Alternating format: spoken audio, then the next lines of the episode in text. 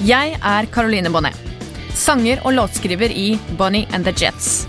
Jeg har mange år bak meg med undring og vandring i dette sammensuriet av et musikalsk Texas som kalles musikkbransjen.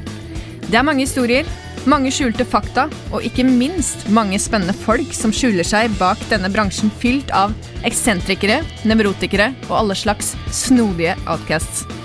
Jeg bestemte meg en kveld for at jeg ville forvandle denne nysgjerrigheten til å bli min egen podkast. Jeg kommer til å invitere forskjellige gjester fra bransjen som forhåpentligvis vil fortelle meg noe nytt som muligens verken jeg eller du visste fra før. Hver episode vil kunne belyse kjente og kanskje ikke fullt så kjente sider av nettopp musikkbransjen. Dette er hashtag bransjen.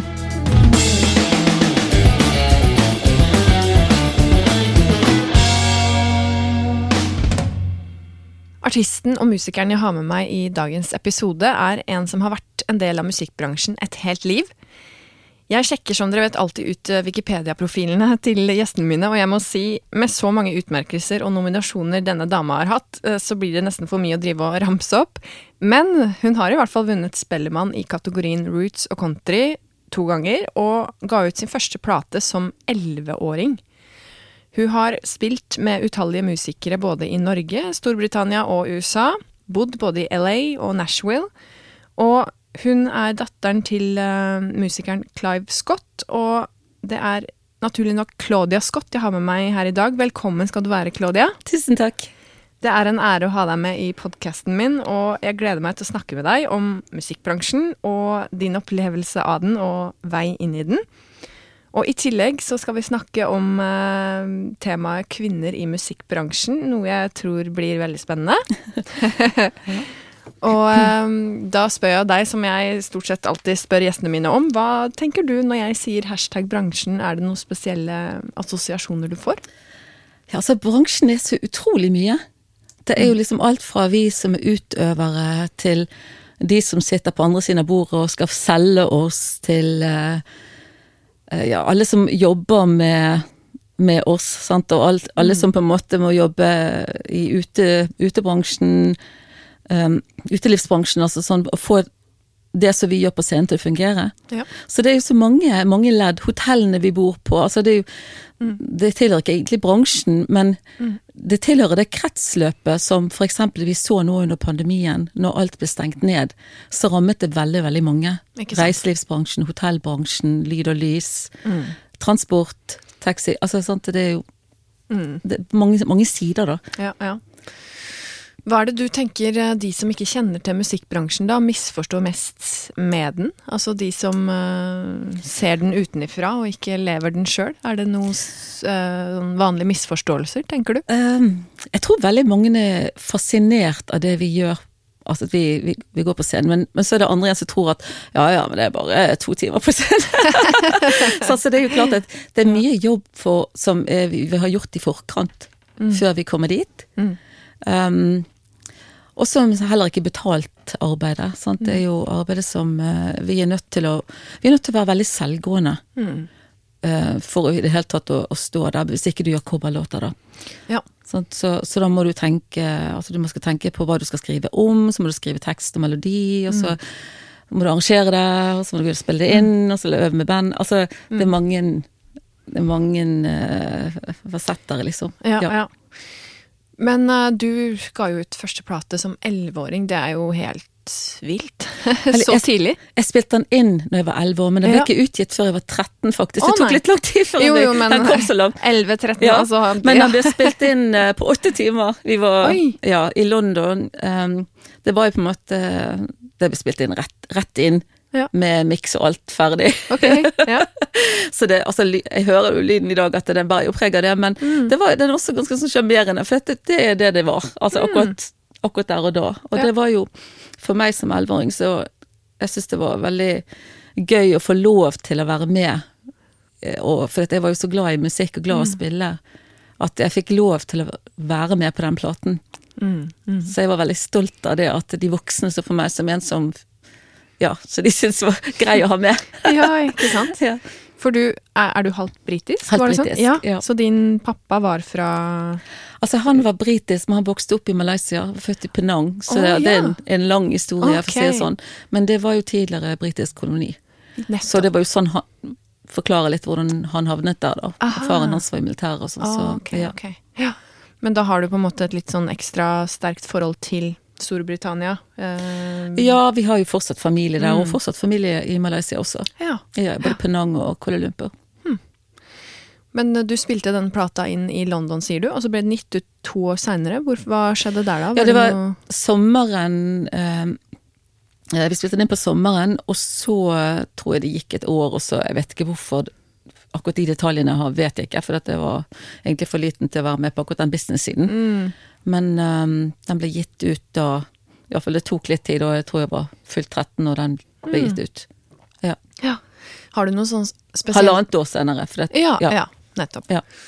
Men når du ser tilbake, når du da trådte inn i musikkbransjen, selv om kanskje det var jo litt for tidlig, som du sier, å være en del av business-delen av det. Det hadde jo vært måte på. Men, eh, men er det sånn noe spesielt minne du har fra din inntreden inn i musikkbransjen, da, når du kanskje følte at ok, nå er jeg voksen nok til å på en måte forstå litt prosessene rundt det, og har du noe sånn tanke om når det var, eller? Tenker du på business-siden, å forstå business-siden? Ja.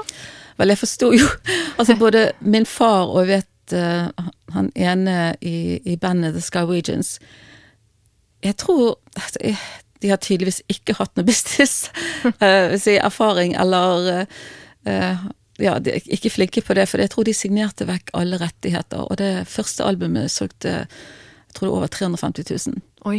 Ja, i Europa, altså sånn Norge og Europa. Og det um, Det har jo jeg Jeg har jo på en måte lært av hans, min fars manglende businesssans. det har jo jeg på en måte lært gjennom årene, liksom, og, og det har jo gjort til at jeg har vært veldig interessert i å jobbe med rettigheter. Rettighetene til musikere og Ja. til låtskriverne. Fordi jeg så Når jeg begynte sånn Altså, det var jo en veldig naturlig prosess hvordan jeg begynte, for det bandet, bandet øvde hjemme hos oss. Ja. Og det var jo også sånn jeg lærte å spille gitar. Jeg begynte først med trekkspill, og, Ah. men så syntes jeg det var så tøft med gitar. Og så Ja. fikk jeg lære da en ny akkord hver gang av Kjell Virkeland og Mm. de andre gutta i bandet. Så når, eh, når de kom på besøk til oss og de øvde, så fikk jeg lære en ny akkord, og jeg øvde og øvde og syntes det var så gøy. Mm. Så jeg, og etter hvert så ble jeg med og startet en du- duo med min søster. Oh, ja.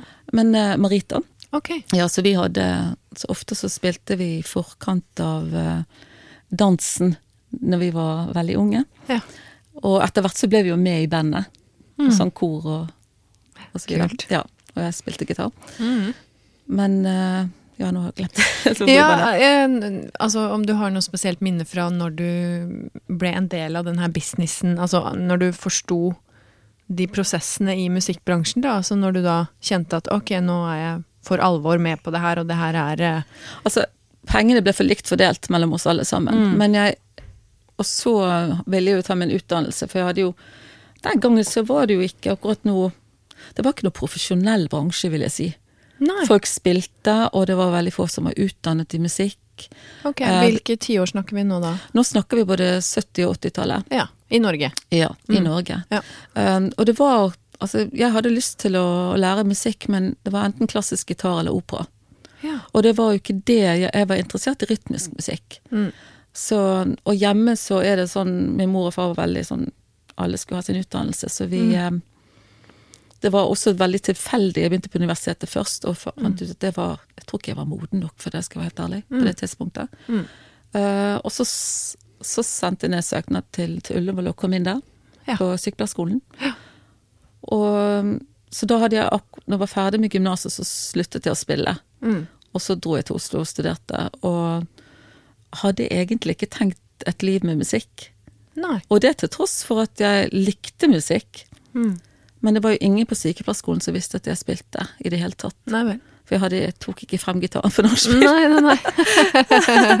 Så jeg tror de fikk seg litt sjokk når plutselig så Ja. i 83 da jeg begynte profesjonelt, så var jeg litt sånn hæ? Ja, ja. Så ja. Mm. Eh, ja, så Men da når jeg begynte i bransjen igjen, så trodde jeg først For jeg hadde lyst til å studere videre. Jeg trodde jo først at dette her skulle bare være litt sånn i helgene, for, Mm. for moro skyld. Um, og når jeg da skjønte at dette var noe jeg ville satse på, så ble jeg engasjert også i hvordan bransjen fungerte. Ja. Altså Det skjedde vel kanskje også gradvis fra jeg begynte profesjonelt, men når jeg sa at ok, nå skal jeg satse, så måtte jeg også finne ut hvordan fungerer dette her. Ja. Så ja. Mm. Så det startet vel egentlig der. ja. Mm.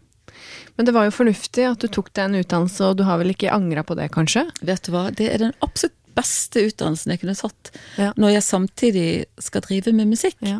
Vi snakka jo så vidt om det før Ja. vi starta record her, at jeg er jo også sykepleier, så vi har noe til felles der. Og det er jo veldig fint å kunne ha flere bein å stå på, da. Det å kunne ha en sånn sett litt trygg inntekt i noe som gir mening. I Ja. å kunne hjelpe andre hvis man eh, ja, føler at det kanskje er litt trått med inntekt på musikkfronten, da, ikke sant? At, Så kan man ta en Mm. vakt. Ja. Og det er ikke alle yrker du kan hoppe inn og ut av som, som sykepleien. Mm. I tillegg så syns jeg at, eh, at sykepleierutdannelsen min den, har på en måte, den gir deg en viss innsikt i hva livet dreier seg om fra fødsel til død. Det er et veldig godt poeng. Ja, og det, det får Altså, jeg, jeg var en av de yngste i klassen, så jeg var 21 år da jeg begynte, og jeg føler at det ga meg veldig sånn tidlig innsikt i livets alvor, på et vis. Jeg, Ja. jeg jobbet på, husker jeg, på overvåkning når det kom det kom, Den gangen så var det jo Samba i Oslo. Ja. Ja, og det var noen som kom inn med brannskader, og de hadde skulle ut, de hadde hatt vorspiel hjemme hos seg, og så hadde litt sånn papirklær. Åh. Og så hadde de kommet bort i lyset, og så kom de inn da med forferdelige brannskader. Og jeg tenker sånn unge folk, og det Ja. var De får oppleve unge mennesker med, nei, med, med kreft som aldri får komme hjem, sant? og som, Mm. som dør i ung alder. Så, så det ga meg en sånn basis som Mm. jeg føler har vært veldig bra å ha ellers i livet. Mm. Du, det, altså, fordi det er jo en total motsetning å jobbe som sykepleier og det å jobbe som musiker Det det. og artist. For som musiker og artist så blir du veldig sånn navlebeskuende, og alt dreier seg om deg, og Mm. hva du har på deg, og hva du sier, og hvordan du spiller, og ser ut Altså sånn alt Center of attention. Ja, men det blir så mye. Ja, ja. Sånn, så, så jeg tenker på Det er en slags Jeg syns det er en bra balanse å ha, ja sant? å ha den bakgrunnen som sykepleier. Ja. Jeg kan kjenne meg veldig igjen i det du sier, at Mm. man får en sånn innsikt i hva livet dreier seg om. Da. Ja. Jeg også jobba jo med veldig sånn alvorlige ting når jeg var nyutdanna som 22-åring, da, og jobbet med, på en lindrende enhet med døende pasienter. Ja. ikke sant? Det var veldig Ja. sånn heftig Ja. så, overgang fra studietiden og rett inn i noe sånn veldig alvorlig Ja. Men uh, det ga jo også en veldig sånn innsikt og en litt, et, et litt annet refleksjonsnivå, kanskje, på hva Ja. livet er, og hvordan livet på en måte tar slutt en eller annen gang, for alle. Det dreier seg Altså, jeg tenker på i vår verden, så Vi må også fokusere veldig på det vi gjør for å få det til, på et vis. Um, men jeg tror det, det er sunt å, ha, å vite om andre ting og ha andre venner, og så man Ja. ikke blir totalt Ja. Altså så ensporet. ja, det For det det. er viktigere ting i livet. Altså Det- musikk er jo Altså jeg kunne ikke levd uten det. Nei, nei. Men uh, man, må, man må først ha mat på bordet. Mm, ja. Sant? Det er noe med det. Og så- holde seg frisk. Og ha noe å skrive om også, ikke Yes. sant? Hvis man bare omgås med artistvenner og snakker om musikk og låter og låtskriving og plater, så vil det til syvende og sist kanskje bli litt tynt, det hva skal jeg si, emnefeltet som man da skal inspireres av, da. Ja, du får Det blir veldig sånn eh, endimensjonalt. Sant? Altså, du, du må jo ha det, det er som å skrive låter. Altså, jeg har brukt låt Altså ofte sånn når jeg startet på en, en sang, så har jeg brukt mange år for å bli ferdig, i hvert fall enkelte sanger. For jeg, jeg kunne bare se én dimensjon der, og og jeg Ja. trengte å få flere Litt mer kjøtt på beinet på et, på et Ja, vis. Og sånn ja. er det jo også. Uh, spesielt når du skriver. Men sånn er det jo med, med livet òg. Ja. At vi, vi blir litt flinkere til å reflektere over ting når vi blir eldre, tror jeg. Ja, det tror jeg absolutt. Man klarer å se ting fra litt forskjellig perspektiv og Mm. Ja. Mm. Interessant. Du, eh, så du har jo jobba mest som musiker. Ja, jeg vil, Altså- altså, jeg vil ikke skryte på meg at jeg har jobbet som sykepleier. Jeg har kun i Og det har gått mange år mellom hver gang. Ja, ja. Tatt en vakt, som for eksempel når jeg flyttet hjem fra Norge fra USA og måtte reetablere meg. Så har jeg tatt vakter Ja. før jeg på en måte kom i gang igjen. Mm, Og så kom jeg i gang, og da hadde jeg ikke tid til det lenger. Nei. Så det er jo et eller annet med Men, men å ha muligheten Mm. Som vi snakket om å kunne hoppe inn i en jobb som du elsker. Mm. Altså, jeg kunne vært veldig lykkelig som sykepleier, for å si det sånn. Mm. Det er sånn eh, Jeg trives så godt i begge jobber, fordi det, du gir av deg selv, og Ja, og, du, og det å jobbe med mennesker Mm. syns jeg er flott. Ja. Men du har jo da, som du nevnte, også vært eh, mest på veien sånn sett, og spilt masse, masse konserter, og vært på turné, og du har jo spilt mye med Jørund Bøgeberg og Casino Steel og um, Ottar Big Hand. Er det Ja, Ottar uh, og Casino begynte jo med profesjonelt. Ja. Eh, vi spilte i to og et halvt år Ja. og ga ut tre plater og turnerte overalt. Altså den, Ja. den gangen der så var det jo Og når jeg begynte også med min far, så var det jo veldig mye samfunnshus. Bygdedanser. Ja. Sant? Mm. Så jeg må jo si at jeg føler meg utrolig heldig som har fått lov å være med på den historien, musikkhistorien vi har her i Norge. For det med samfunnshus, det er en eh, Som er på bygdene, det er jo en veldig stor del av vår historie. Om hvordan musikk har på en måte blitt altså, kommet ut til bygdene. Ja. Det var jo ikke kulturhus, det var Nei. samfunnshus. Ja. Og vanligvis så var det idrettslaget som arrangerte disse dansene Mm. som det var da. Og folk skulle danse swing. Så band som spilte, vi, alle vi som spilte på den tiden, måtte lage musikk man kunne danse til. Ja. Og det er jo litt hva countrymusikken startet som også, Mm. med honky-tonk. Så man måtte ha musikk man kunne danse til. ja, ikke sant? Sånn, Det Så var ikke bare en- sitte og lytte på en god tekst, nei, Mm. man skulle Ja, ja, ja, ja. Ut på gulvet. Danse. ut på gulvet og danse. Så det var jo et sånt slags samlingspunkt, hvis jeg forstår historien riktig, da, for, for de som bodde i de her bygdestrøka, da, som eh, mm, samfunnshus. Det var det, og det var alt fra folk fra konfirmasjonsalderen til de på 70 år, kanskje. Ja, Ja, ja. Og alle, alle generasjoner var sammen, og de passet på hverandre. Og det var altså Det var aldri noe sånn alvorlige ting som skjedde. Det var kanskje noen slåsskramper, men det var det. ja. Og folk satt ofte ute i bilene sine og hadde forspill oh, før okay. de kom inn. Det kunne vært kanskje ja, bare noen få ute, men så satt folk ute og, og drakk i bilene sine, og så kom de inn på slutten av kvelden for, for de siste dansene. Da hadde de drukket seg opp til å liksom ja. Be, be opp den eh, jenta de hadde tenkt på. Ja. Ja. Men det var utrolig artige Altså, det var veldig sånn artige jobber og Ja, Ja, veldig gøy. ja, det ser jeg for meg. Og så Ja. var det jo veldig effektivt òg. Du sier dere spilte inn to plater på Ja, vi spilte tre plater på Tre- to og et halvt år. Tre Ja, plater på to år, ja. ja Det er jo to og et halvt. Ja, ekstremt uh, ja, det var, effektivt, da. Ja, det var jo eh, Det var med, med trioer med Otter og Casino. Ja. Ja. Var det sånn, Gikk dere liksom inn for Ok, nå skal vi bare spille inn så mye som mulig, eller var det noen sånn plan rundt det, eller bare Altså, jeg må- skjedde det, eller var det Altså, den første platen som jeg ble med på, um, Will the Circle Ja. uh, Will Circle Be Unbroken, som Jeg var jo først spurt for å bare være med på en duett. Mhm. Så jeg må jo si at det gikk jo sånn Utvikling gikk jo veldig gradvis for meg, liksom fra um, Dette skulle bare være en, helge, en helgejobb til Å ja, nå skal vi satse. Og det var liksom Ja. år to, da. Sånn, Og da begynte vi også å skrive låter og komme inn i det. For jeg syns ikke det var interessant å bare gjøre coverlåter. Nei, nei. Og vi gjorde um, For jeg, jeg føler ikke at man Det ble ikke så personlig. Nei, nei. Selv om man kan finne Altså, det er jo nesten altfor mange låter i verden, og det er utrolig mange gode låter i Ja, verden. Sant? Så, men, men det var i hvert fall tanken da. Og um, når vi først kom i studio, så tror jeg vi oppdaget at dette her var jo kjempegøy, og her må vi jo gjøre noe mer Mm. enn bare gjøre det til en EP. Ja.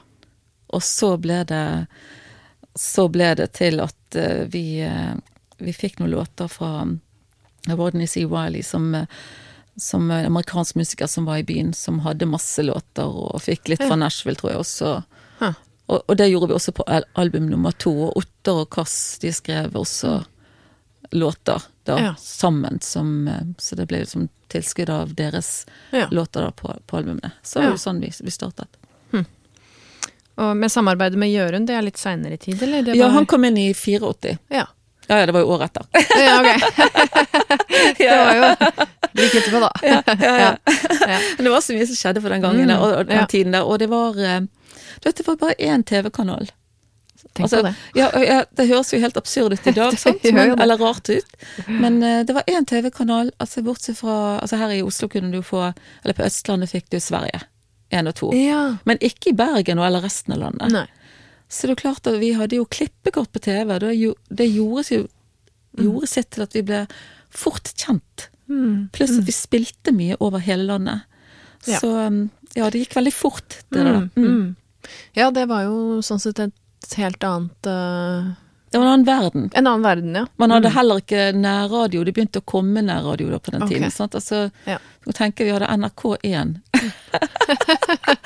Det er rart hvor fort ting har gått, og hvor mye som har skjedd i den uh, utviklingen der. Altså, det er helt utrolig. Det har vært en enorm utvikling. Ja. Virkelig. Men uh, har du noe spesielt uh, minne fra veien, da, som du tenker at det her hadde vel aldri skjedd noe annet sted enn i musikkbransjen? Altså en eller annen sånn sprø historie fra, fra en av turneene, hvor du bare tenker at ok, det Vel, jo, som, som sagt så har det jo vært en enorm utvikling og profesjonalisering i bransjen. Fordi den var ikke Det var jo idrettslagene som arrangerte disse dansene før, sant. Og jeg har jo opplevd at vi har kommet frem til eh, Altså dette var jo 80-tallet, da. mm, Kommet frem til spillested og vi ikke, de ikke, ikke åpnet garderobene, for det var forbeholdt idretten. Ja, Det var ikke for oss. Okay. Og, og tidligere, før man hadde festivaler, så hadde vi noe sett messer. Ja. Og det var et tivoli i byen og en scene i en kant, og der var det alle spilte, da. ja. Eh, og da, um, da husker jeg vi kom til et sted, og det var et sånt dusjforheng på scenen, og det var en som som spurte jeg ja, garderoben, hvor er det henne? Nei, det der. Ja, der. Ja, dusjforhenget. Og da kom vi med, med kofferter og fra turné, sant, og, og skulle liksom skifte og finne og sminke og i det hele tatt finne klær og Oi, oi, oi. og da sa han at ja, det hadde holdt for Wenche Myhre. Og det var på 60-tallet! Så- så- altså, Ja. det, det er en annen respekt i dag, da. Ja. Det, og det, akkurat det syns jeg er veldig fint. Og, og det med menyer, for eksempel. Vi kunne jo risikere å få den samme menyen hver dag, for det var liksom, vi kunne Ja. velge mellom det eller det. Det var liksom musikermenyen. Ja. Nå er det jo at du får velge fra en meny og, og det du vil ha å spise. Ja. Så mange ting har endret seg, og heldigvis for det. Akkurat det. Dusjforheng, dusj på scenen, den var ny. Ja, Ja. og det Jeg muligens hadde gått på 60-tallet, men selv 80-tallet syns jeg det var drøyt. ja, det skjønner jeg godt. Uff a meg. Men um, vi skal jo snakke litt om kvinners rolle i musikkbransjen i dag. Ja. Det har jeg gleda meg veldig til å snakke med deg om, for du er jo da en veldig erfaren kvinne i musikkbransjen, og har jo sikkert mange tanker og refleksjoner rundt nettopp det temaet der. Eh, og hva Har du noe spesielt eh, du tenker, Eller noen spesielle tanker rundt det Altså, hva er fordelene, og hva er ulempene som du har erfart da, med å være kvinne i en bransje som da kanskje spesielt fra tidligere har vært preget av menn, da? Ja, den har jo, det, det er jo nettopp det. Den har jo vært veldig preget av menn. For det er jo Jeg bare tenker på når jeg selv gikk på skolen, så var det jo ingen som Jeg hadde en venninne, Sølvi, som spilte piano, og jeg spilte gitar. Men ellers så var det ikke så veldig mange som gjorde annet enn å kanskje Vi sang liksom på skolen denne gangen, den gangen da, og ellers var det ingen andre som spilte et instrument. Kanskje de var med i et korps. Ja, ja. Men jeg tenker på rytmisk musikk eller gjøre noe andre sånne ting. Og jeg skulle egentlig ønske at jeg spilte i korps, men den gangen da så var jeg ikke så veldig interessert i sånn i korpsmusikk, selv om min bestefar drev med det, og var også musiker. Ja, eh, Han var sånn bandmaster. Okay. Så, så, så var ikke jeg så interessert i det den gangen, altså da jeg var liten. Jeg likte liksom eh, ja, den musikken jeg hørte på radio, og hørte veldig mye på Radio One, og da var det jo sånn pop og rock. Og country og jazz hjemme, og egentlig all mulig folkemusikk. Og, så ehm, så jeg, jeg ville jo spille, og, og, og det var for det meste menn som, som spilte, og i band var det jo bare menn. Kvinner var stort sett sangere. Ja. Uh, og jeg merket jo det når jeg spilte Jeg spilte rytmegitar i bandet til pappa, Ja. uh, Scarwegians. Og da hadde jeg alltid sånn tre-fire gutter foran scenen som fulgte med om jeg kunne akkordene.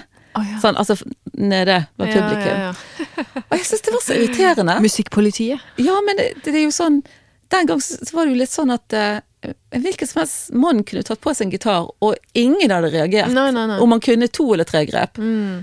Men når en dame tok på seg, eller kvinne tok på seg en gitar, så var det sånn «Ah, Skal vi se om du kan det. Mm. Ja.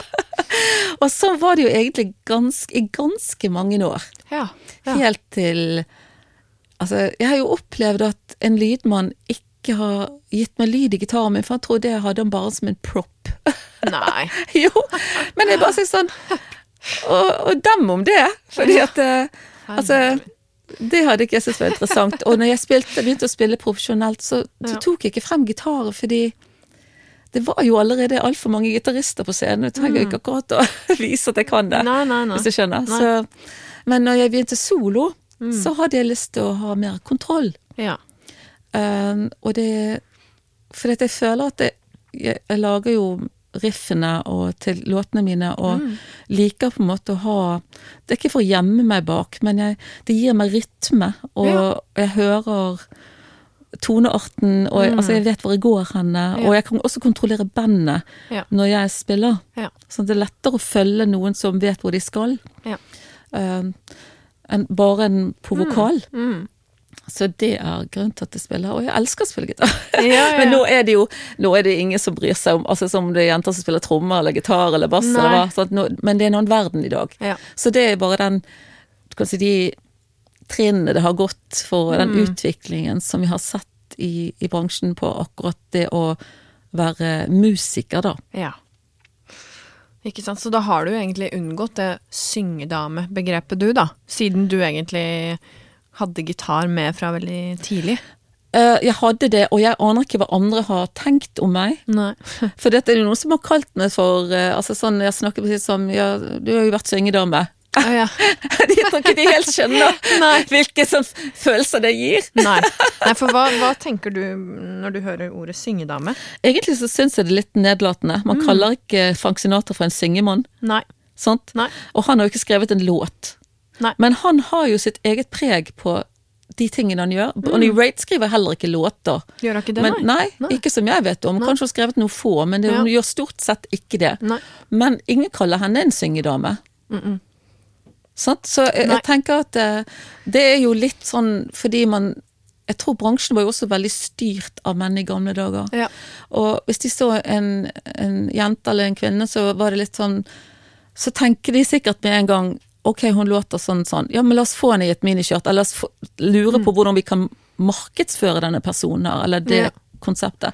Ja. Så det, det gikk veldig mye på Jeg tror sånn etter eh, Etter eh, 70-tallet, når man så hvor musikk, hvor mye penger som kunne være i musikk, så ble det mer og mer en vare. Mer enn eh, noe som skulle komme fra hjertet, og, og at man skulle lage noe som var verdt å høre på. Ja. Sant? Altså, når, når, det, og det er jo Og alle var med på det.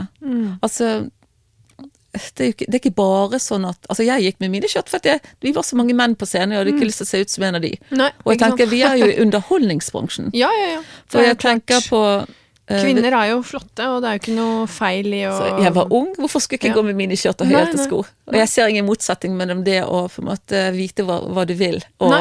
og, Nei, jeg er helt enig. Altså, og, det, og ha en hjerne, for å si det sånn, Nei, som det- du kan bruke. det er eh, Sant.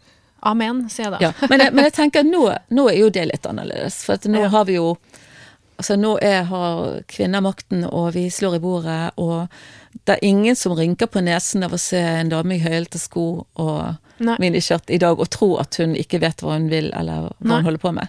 Heller en mann i høyhælte sko og i miniskjørt. Altså, Ja, Ingen bryr jeg- seg. Altså, Nei. jeg sier Mm, gjør det som passer, og hva som Ja. du føler deg bra med, eller Ja. komfortabel med. mm, Ja. det er noe med det. Men har du kjent på det Altså, det har jo Ut ifra det du sier, så høres det ut som du hele tiden har hatt en sånn fin trygghet i deg selv. At du har kanskje trosset litt sånne stempler utenifra, og at du på sett og vis egentlig Ok, jeg går med det jeg føler for, og så driter Ja. jeg i hva folk tenker om det, eller om det kan oppfattes som at det er eh, Hva skal jeg si Veldig sånn eh, At det Hvordan skal jeg forklare det? Hvis man går med miniskjørt, så kan jo det oppfattes Ja. av noen som litt sånn promiskiøst, kanskje, da. Ja. Altså- I hvert fall på den tiden, jeg vet ikke. Jeg vokste Men- jo opp som tjener på 70-tallet, hvor jeg var, jeg, altså jeg var så irritert over at ikke kvinner hadde like, like rettigheter. Ja. Og min mor var skikkelig selvstendig, og så vi var jo tre jenter hjemme, og Ja. fire med min mor, da, så vi var liksom veldig sånn women's lib. Ja, ja, ja. ja. Og har en bror og en um, Den gangen så hadde jeg en bror, nå har jeg to, men den gangen var det en bror bare, og, og min far som Da var de litt mer konservative. Ja, ja, ja. Sånn så vi, vi opponerte mot det at ikke det var like rettigheter. Og det at hvorfor skal en kvinne bli sett på å være promiskuøs eller noe annet når hun går med miniskjørt? Eller hvorfor skal det være forskjell på at kvinner er promiskuøse enn menn? Ja, tenk på det. I dag er jo det visket bort, tror jeg. Det virker i hvert fall sånn når Så jeg hører si. på. Ja, At det er ikke noe big deal. Nå er det jenter som prøver seg på, altså på Ja, menn, sant? Altså, som tar initiativet. Altså, jeg er jo vokst opp i en tid hvor det var menn som måtte ta initiativet. Så for å si det sånn, så personlig så vet jeg ikke helt hvor, hvor jeg skulle begynt. Nei. altså, for, for det, for, Nei. på grunn av at man har ikke vokst opp i en Vokst opp i egentlig sånn som ung i en annen tid. Men eh, ja. Ja. Nei, jeg forstår, og det, det må jo være veldig interessant og fint også å ha sett den utviklingen, utviklingen som har skjedd da, i forhold Ja. til den tida du da vokste opp i, hvor det var ganske konservativt, og at det begynte å åpne opp feminismen og Ja. hele den pakka der. At det, samfunnet har jo heldigvis utvikla seg, og det har blitt, det har blitt eh, en annen verden, men det er jo fortsatt ting å jobbe med, selvfølgelig. Helt klart. Det er fortsatt ting å jobbe med. Men jeg må jo si at i en periode i karrieren min så har jeg kledd meg ned fordi at det ble så fokus på utseendet mitt og på Ja. hva jeg hadde på meg. Kledd deg ned, altså at du har vært litt mer anonym, på en måte? Ja, eller? altså, for å si sånn, fra skjørt og si, over knærne til eh, gå med jeans og T-skjorte. Ja. Fordi jeg var veldig lei av at folk fokuserte på For jeg, jeg tror, og jeg tror ikke det er vondt ment, men jeg tror i veldig mange tilfeller så så er menn på min egen alder, når de skal si noe pent om en artist, Mm. en kvinnelig artist, så snakker de med utseendet. Ja, Og det tror det jeg sånn. ikke de gjør for å være slemme. Jeg tror de prøver å gi oss komplimenter. Mm. Men istedenfor å fokusere på det vi gjør, så fokuserer de på flotte sant, Ja. Mm. utseende altså, Og, og det, det, det gjør det ikke på samme måte med menn. Nei. nei. Sant? Mm. Da sier de 'å, en knallbra gitarist', eller Ja. låtskriver, eller sånt. Altså, Mm, mm. Ja. så, og det, det er også som gjør til at, eh, at det er lettere å kle seg ned. Altså, ikke fokuser på det. Mm. Men, men jeg syns det er Når det er sagt, Mm. så syns jeg på en måte at vi som står på en scene, vi skal ikke nødvendigvis se ut som vi tilhører publikum, fordi Nei. jeg syns publikum skal Vi skal ha en slags respekt Vi har respekt, respekt for publikum. Ja, ikke sant. Man har jo, vet Ja. jo at de som står der, har betalt for å komme dit. Ja, Så vi er nødt til å levere, og vi leverer en pakke som består av hvordan vi ser ut, og Ja. hvordan vi høres ut. Ja. Det er en total pakke, Mm, på et vis. da. Det er jo ikke bare én ting. Nei, estetikken er jo en stor del av eh, hvordan man opplever en Ja, hvordan man, opptreden. Da. altså, hvem vil du være utad? Altså, Mm. hvem altså, det er jo, Og det er jo også de fansene man får. Eller jeg kan ta countrymusikken, for eksempel. I dag Ja. har jo flere yngre fans, og det er jo fordi Ja. at man har fått nå yngre artister som jeg tror de kan relateres til. Ja. relatere seg til. Fordi Mm. før så var det jo gjerne litt gubber. Ja. Så det er vanskelig for en 20-åring å relatere seg til en, en kar på 50 år Ja, det er naturlig. som synger om uh, tapt kjærlighet. Ja. ja. Sånn? Det- så så jeg, mm. jeg tenker for, for min del, når jeg begynte å høre på countrymusikk, så så, så likte jeg veldig godt Gram Parsons, for han hadde langt Mm. hår. og Waylon Jennings, for han hadde også litt lengre hår. sånn så det er litt sånn morsomt det der Ja, ja, ja. Hvordan vi Altså, vi må jo føle at vi kan se oss litt igjen i de artistene vi liker, og det er gjerne sånn. ja det er jo ofte det. Mm. Se noe som vi enten digger eller kjenner igjen. Ja, sant. Hva tror du er grunnen Eller det fins jo aldri én grunn til en ting, men eh, hva tenker du om at menn er overrepresentert i musikkbransjen? For de er jo fortsatt det, selv om det fins jo mange syngedamer og, og mange kvinner i bransjen også. Men hvis man ser på for eksempel ja, systemet rundt, da, i forhold til management og den type ting, så er jo Det er jo flest menn, er inntrykket mitt, og også i hvert fall i studioverden og sånne ting, så er det jo Menn, of, menn er ofte representert, da. Ja, de er nok overrepresentert. Ja. Jeg tror det skyldes interesse. ja. Fordi altså, det er jo ingen som nekter oss å gjøre noe som helst. Vi kan jo alle bli lydfolk og Ja. musikere, altså Ja. sånn hvis vi er interessert. Men det, Ja. men det er jo klart, fra den interessen så kreves det jo mye øving og fokusering på det, og kanskje Kanskje vi jenter har litt andre interesser. Jeg vet ikke. altså jeg, jeg kan ikke forklare det selv, fordi jeg har jo alltid vært interessert i musikk. Og selv de årene jeg ikke spilte, så var jeg like interessert i musikk. Jeg gikk Ja. jo på konserter og, Ja. sant, og, og var like interessert i det. Det var bare ingen som visste at jeg spilte. Sant, og jeg, jeg, hadde jo, jeg hadde jo en gitar, og jeg hadde jo spilt likevel, men jeg, men jeg trodde ikke jeg skulle leve av det. Nei. Men jeg er utrolig glad for at uh, jeg havnet der jeg gjorde, fordi det var jo bare Mm. Mitt hell, for å si det sånn, at jeg kom tilbake igjen i musikken. Ja. Hvilket år var det du kom tilbake? 83. 83, Altså ja. ja. profesjonelt, da. Ja, ikke sant. Ja, så og jeg havnet på rett hylle, føler jeg. Ja, det vil jeg jo absolutt uh, si meg enig i. Men uh, i forhold til eh, det med at kvinner skal gjøre Altså som du sier, ja, vi har jo lov til å gjøre hva vi vil, og Mm. det er jo faktisk et veldig godt poeng. Og jeg syns det kvinnekortet innimellom kan bli dratt litt langt, da. At det er sånn Ja. ok, men nå, nå skal det bare være kvinner i det bandet her, fordi kvinner er best, og kvinner Altså det blir litt sånn uh, overkill, da. Hvis man Ja. bare skal velge kvinner bare for å velge kvinner. Altså det, man, man skal jo velge trommeslager ut ifra kvalitet og hvilket sound trommisen har, og om det passer, passer ditt uttrykk, da, ikke sant. Det blir jo feil å velge en trommis som kanskje ikke er uh, like god fordi det er en kvinne. Ja. Altså jeg jeg syns det er også dis- diskriminerende andre veien. For hvis man skal velge noen som er dårligere bare fordi det er kvinner, det er det jo Ja. helt søkt. Ja, ja, jeg vil det velge den beste, og jeg bryr meg ikke hvilket kjønn de Nei, har, for å si det sånn. Nei. Altså, og da, nå har vi flere kjønn å velge mellom, så da kan de være hva som helst for min del. ja, helt enig. Så lenge de klarer jobben, og de har Hen, de referansene. Yes, Ja. bring them on! ja. Det er ikke viktig. Nei. Og hvordan de ser ut. Altså, jeg tenker, det har jo litt med referanser å gjøre. Mm. For jeg syns det er lettere å spille med folk som har de samme referansene, istedenfor å ha noen som egentlig skulle spilt fri oss, Ja. og så åh, mm. countryen. Eller Ja, amerikaneren. ja. Ja. Ikke min greie, men ok, da. ja, ikke sant. Nei, det, det, det blir jo liksom feil, i hvert fall i lengden, å spille med noen som ikke har de samme, feel, samme feelingen i musikken, da. Ja, men det er jo flere av oss som liker forskjellige sjangere, men likevel, jeg tenker Grunnen til at jeg gjør det jeg gjør, at jeg føler at det gjør jeg bedre enn noe annet Ja. Som jeg også liker, men jeg gjør dette bedre, tror jeg. Um, så det har jo med hva du liker å gjøre. Jeg syns det er viktig at folk liker å spille det de spiller. For da er, det, da er det lettere å komme på et toppnivå, eller på et bra Ja. nivå, Mm. enn å bare go through the motions og bare gjøre det fordi det er en jobb. Ja. Ja, det er noe med det. Jeg husker jeg ble veldig skuffet og satt ut en gang eh, etter en jobb jeg hadde mm, hatt med et band på, da, og så snakker jeg med en av musikerne som hadde vært med meg på scenen, og så Ja, ja hvilke sjangre er det du liksom føler deg mest eh, hjemme i, og Jo, nei, jeg, jeg spiller jo egentlig ikke blues. Og så hadde vi liksom Det var sånn syv av ti låter eh, vi hadde spilt den kvelden, var blues, liksom. Bare sånn ok. Ja. Det med, å ja. Ja. Nettopp.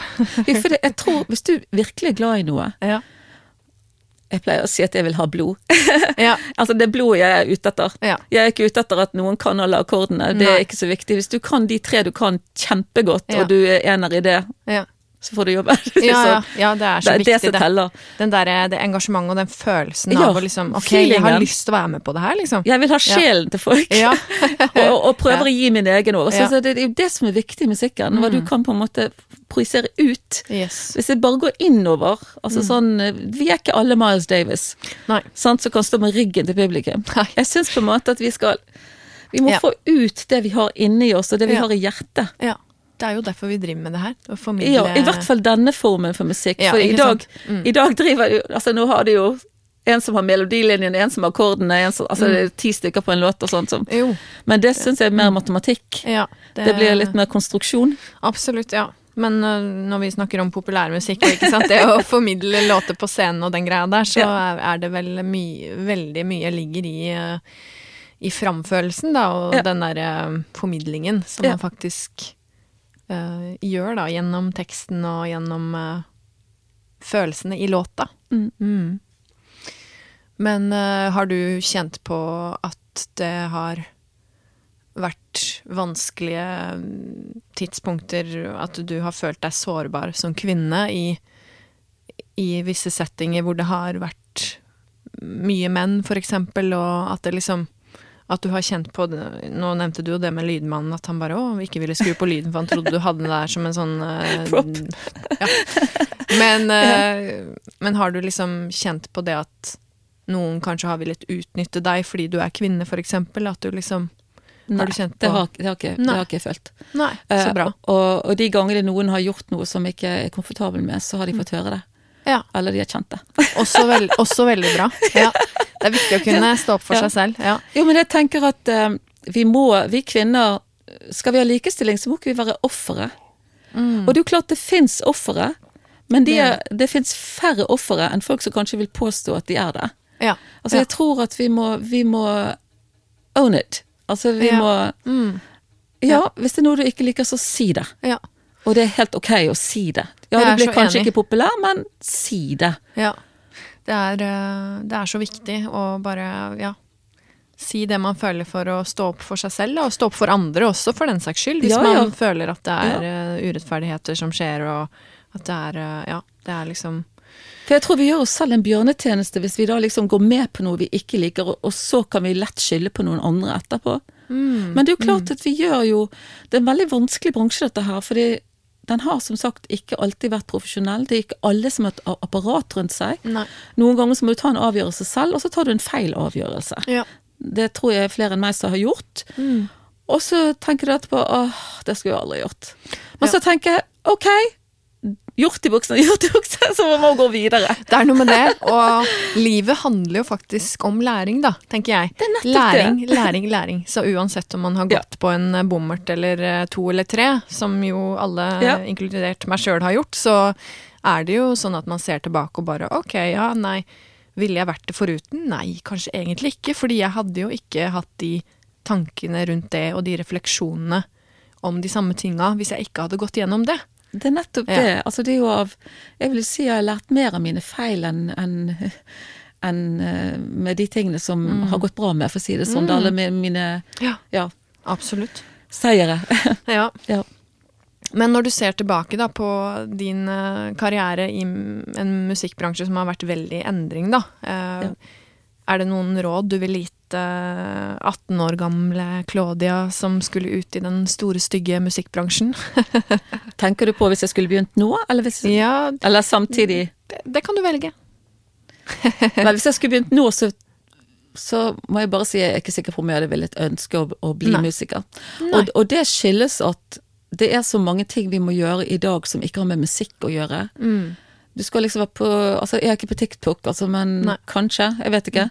Men du skal være der, og du skal være på Instagram, og du skal være på Facebook, og du må oppdatere, Mm. og hele tiden mase, mase, mase. Og det tar vekk kreativiteten. Mm. Jeg tror mange unge som jeg ser som er kjempeflinke med det. Mm. Altså folk som er rundt sånn 20-30, som Mm. syns det er helt greit, og de gjør det bare automatisk. Ja, det er liksom Men for meg er det ingen automatikk i det. Nei. Jeg, altså jeg syns på en måte Hvis jeg har noe å si, så kan jeg gjøre det, men jeg Mm. føler jeg, jeg sitter litt mer inne, da, og, Mm. og, og poster en selfie. Ja. ja. Det, det, er ikke, det er ikke en sånn naturlig ting for meg å Nei, gjøre. nei. Altså jeg, jeg vil heller bruke tiden på å øve eller skrive. ja. Og jeg, jeg synes det, det er en annen del av det, og den har spist opp en veldig stor del av um, det å være musiker, Mm. føler jeg. Det er veldig godt poeng og ja, fine refleksjoner. Jeg snakka med Malin Pettersen om det med markedsføring og Hun er kjempeflink. Hun er veldig flink. Ja, hun er helt rå. Ja, ja. Ja. og vi snakket om det at alle må finne sin egen komfortsone, da, i den herre selge seg selv eh, på sosiale medier-opplegget, og det er jo ikke lett, altså. Og som du sier, det er uh, veldig lett å kanskje føle seg litt sånn spist opp uh, i den i det presset som ligger i det å faktisk oppdatere ting og føle at, føle at man legger ut det folk burde få med seg. Og, ja. Det er jo et stress som eh, preger sikkert, eller helt sikkert, mange utenfor musikkbransjen også, eh, som også kjenner på at det sosiale mediebiten er litt sånn slitsom. Ja, den Ja. har på en måte tatt over, og det er jo sånn eh, Det er sånn konserter også. Alle sitter med iPhone og filmer og tar Ja. bilder og sånn, så vi, vi lever liksom ikke i noe. Eller sånn, der, i liksom. nåtiden. Vi er Ja. det, men ikke likevel, fordi vi står og filmer. Ja, at vi, vi lever gjennom telefonen Ja. vår, sant? Og, og det syns jeg er litt synd. Det er trist. Det er nesten deilig å reise til et sted hvor du vet at det ikke er dekning, for da har du en god unnskyldning. Ja, vet du hva, jeg er så enig. Det er, Ja. um, det er noe med det å faktisk Unnskyld. Kunne leve, leve i nuet og Hva som skjer nå? få med seg Ja. opplevelsene som de er, uten å tenke på at man skal ta det opp fordi man skal vise det på Snapchat eller altså Jeg vet Ja. ikke, det er et eller annet som skurrer der, da. At man Ja. liksom Skal man bevise at man var et sted, eller hva er liksom greia? Det er litt uh, Alle har jo sine måter å uttrykke seg på, men eh, det tar litt overhånd for mange. Ja. Ja, det, det gjør det. Ja. det, det Men Mm. for, tilbake til spørsmålet. Hvis Ja. det hadde vært eh, 70-80-tallet, så kanskje Kanskje jeg ville skulle dratt til USA. Ja, Da. Altså Jeg kunne godt tenkt meg sånn Laurel Canyon på 70-tallet. var sikkert veldig kult. ja, ja, ja. Det, det tviler jeg ikke på. Sånn. Ja. Jo, altså sånn Ja. Men da Altså, ja. Men du har jo bodd i USA, men det var Ja, ja. seinere, da? Eller? Ja, ja. På Når er åt- det? 80-tallet 80-tallet. og 90-tallet og Ja. 2000-tallet. for å si det Ok. Sånn. Ja. Nashville og LA, var LA. det? Ja. Var det noe du følte du fikk mye ut av sånn musikalsk, ja, eller? altså jeg ville ikke vært foruten de Nei. årene. Uh, du kan si, altså det som er fint med USA, er jo at det er jo et kontinent, det er nå punkt Ja. én. Men, og det er, de er så forskjellige fra stat til stat. Mm. Og eh, konkurransen er så høy der, Ja. og så stor. Eh, bare de to gitaristene som jeg likte uh, i LA, Ja. og som jeg hadde lyst til å spørre om å være med i et band, de fikk jobba, den ene med Lenny Kravitz, og den den andre med Black Crows. Så, og, det var, og det viser jo bare sånn Mm. i den byen der. Ja, det var én til som var litt mer sånn Henriks, Ja. og han har ikke jeg sett siden, men han drev han sånn solo. Ja. Men de to gitaristene som jeg syns var noe, de fikk seg faktisk en god jobb. Ja. Sant? Med de beste bandene. Mm. Mm. Så det er jo litt sånn at hvis du ikke gir deg, så kan du Du kan jo være heldig, men det er klart den, altså den bransjen er jo et lotteri. Det er det. Det er ikke nødvendigvis den beste som uh, får pokalen, for å si det sånn. Nei. Sant? Og, du kan, det det, og i USA spesielt så dreier det seg om veldig mye penger. Mm. Hvem du kjenner, og hvem du får tilgang til, Ja. hvem, hvor mye satser de. Ja, Sant? ja. Altså de Det koster så utrolig mye å få det på listene på radiostasjonene. Det er payola, og det er i det hele tatt. Det, Mm. Så jeg tenker, vi her i Norge, vi har det beste av alle verdener. Mm. Mm. Vi, vi, eh, vi kan ha et levebrød. Mm. Og vi kan gå på gaten uten at Og vi kan gå og handle uten at Mm. vi må stenge eh, Stenge kjøpesenteret for at vi skal få fred. Altså Sånn Ja, som ja. Michael Jackson. Sånn. Ja. Altså, det er jo ikke et liv. Nei. Ikke, ikke Nei. i min bok. Nei, nei, nei. Jeg, jeg, jeg, vil ha det, jeg vil ha et privatliv, jeg vil ha Mm. Ja. frihet. Og, Ja, sant. Så jeg føler at jeg, jeg har vært enormt heldig og fått lov å ha en karriere her i Norge. Mm, ja. Så er det klart, Norge er jo et unikt land med tanke på det sikkerhetsnettet vi har, og jeg var i Alt. LA nå Mm. relativt nylig, faktisk, eh, Ja. og det bare slo meg det at det var så mye telt på gata. Og man har jo hele tiden vært klar over at det er mye Mm. uteliggere og mange hjemløse i USA, men i LA så blir kontrastene så store, fordi der har man Hollywood, og man har ikke sant Rodeo Drive og ja, ja. man har liksom det her eh, fame and fortune-imaget, da. Mm. Og så har du da to kvartaler bortenfor eh, der hvor eh, Brad Pitt bor, så er det liksom en som sover i telt og Altså, ja. Det er så innmari kontraster, da. Det er jo det som er, og alle, alle hjemløse de vandrer jo, eller de reiser jo til California, for der er det Mm, varmt. ja. Og jeg forstår jo det, og Florida også og sånn. Ja. Um, og det er, et, det er et fryktelig problem i USA, at de middelklassene har jo på en måte blitt eh, skrumpet inn og flyttet nedover, for å si det sånn, så nå Mm. Ja. er det veldig, veldig mange som sliter. Mm. Men det er jo Jeg skulle si det er jo det å oppleve et sånt samfunn gjør at du ser den konkurransen, og det gjør at du, du tenker mye. Sant? Mm. Altså vi, alle vi nordmenn som drar til USA, vi har jo et sikkerhetsnett, sikkerhetsnett ved at vi kan komme tilbake Ja, ja. til den trygge havnen. Mm. Men når du er der, så får du Du blir ekstra kreativ når du lever i et sånt samfunn. Ja. I Norge tror jeg det er vanskelig å være så kreativ, fordi vi har det jo stort sett bra, selv Mm. om jeg ser nå at vi begynner å få Altså, vi, vi har tatt mange av de negative aspektene av USA med oss til Norge. ja. For, altså, nå er det pengene som rår, og vi bryr oss ikke nedover. og Nå skal vi ha privatisere alt. Nå skal vi, altså, sant? Og, og spesielt helsevesenet, som vi to er en del av. Mm. Vi vet begge at det er ikke veien å gå. Nei. Nei. Det, er de samme folkene som jobber på begge sykehusene, de private og de kommunale. Så det er jo um, Vil vi ha Norge som vi, som vi kjenner det med, s- med den uh, Med sosialisert medisin? Eller vil vi ha det sånn for at alle er sin egen lykkes med om å betale, og det, da er det noe som faller utenfor? Det er det, og det, Og det ser vi jo mer av i Norge. det er veldig trist. Ja. Trist utvikling, syns jeg. Så Ja. det, det er klart eh, Det er jo noe av det vi er heldige å være født inn i, og burde være med på å opprettholde, syns jeg, da. Den Absolutt. her eh, sosiale tryggheten. Men også å slåss for altså, alle selvstendig næringsdrivende. Vi kommer ikke inn under, som nå under pandemien eksempel, så kommer ikke vi inn under noen kategori under Nav-systemet. Nei, For der må du skrive at du ønsker å ta en hvilken som helst jobb. ja. Du blir ikke egentlig respektert for å være musiker. Mm.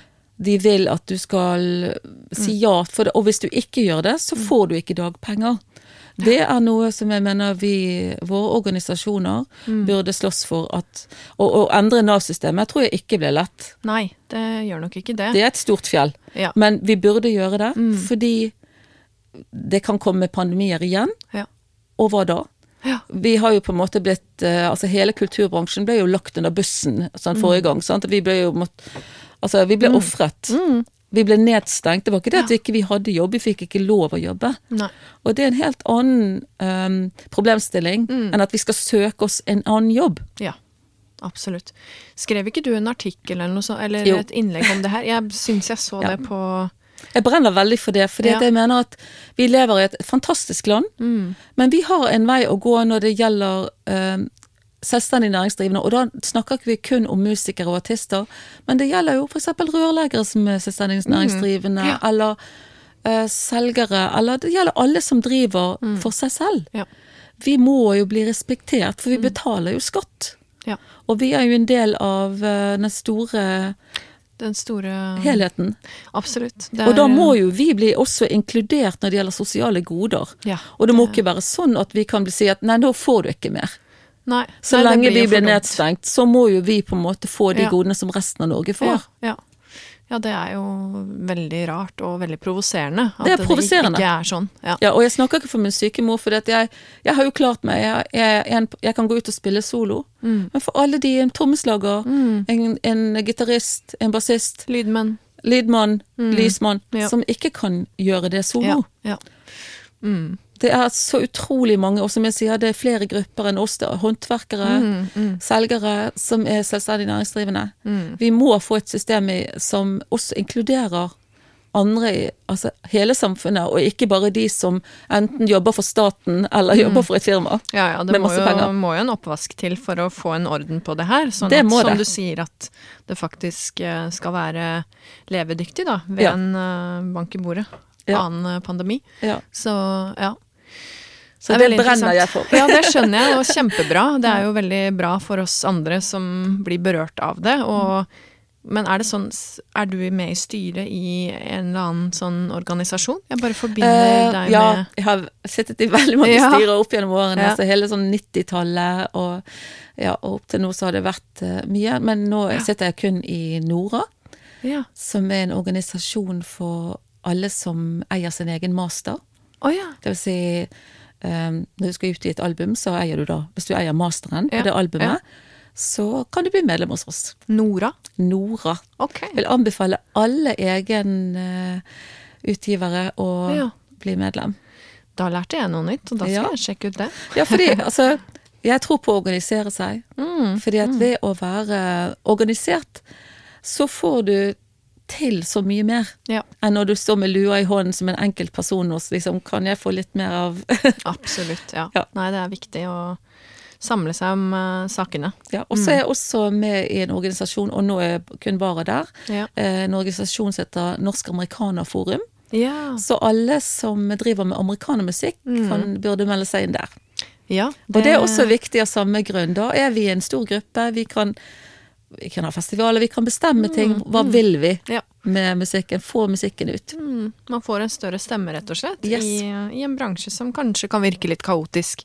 Ja, Ja. det gjør nok det for mange, og spesielt for folk utenfor bransjen, Ja. jeg tror. ja. Nei, men eh, det, det burde absolutt eh, de som driver med americana og country og den sjangeren der, eh, sjekke ut. Norsk Ja. Americanaforum. Det er Ja, og mange veldig fordeler. Mm, mm. Tusen takk for at du eh, kom hit og eh, tok deg tid til å snakke med meg, Claudia. Hjertelig takk for at du ville ha meg her.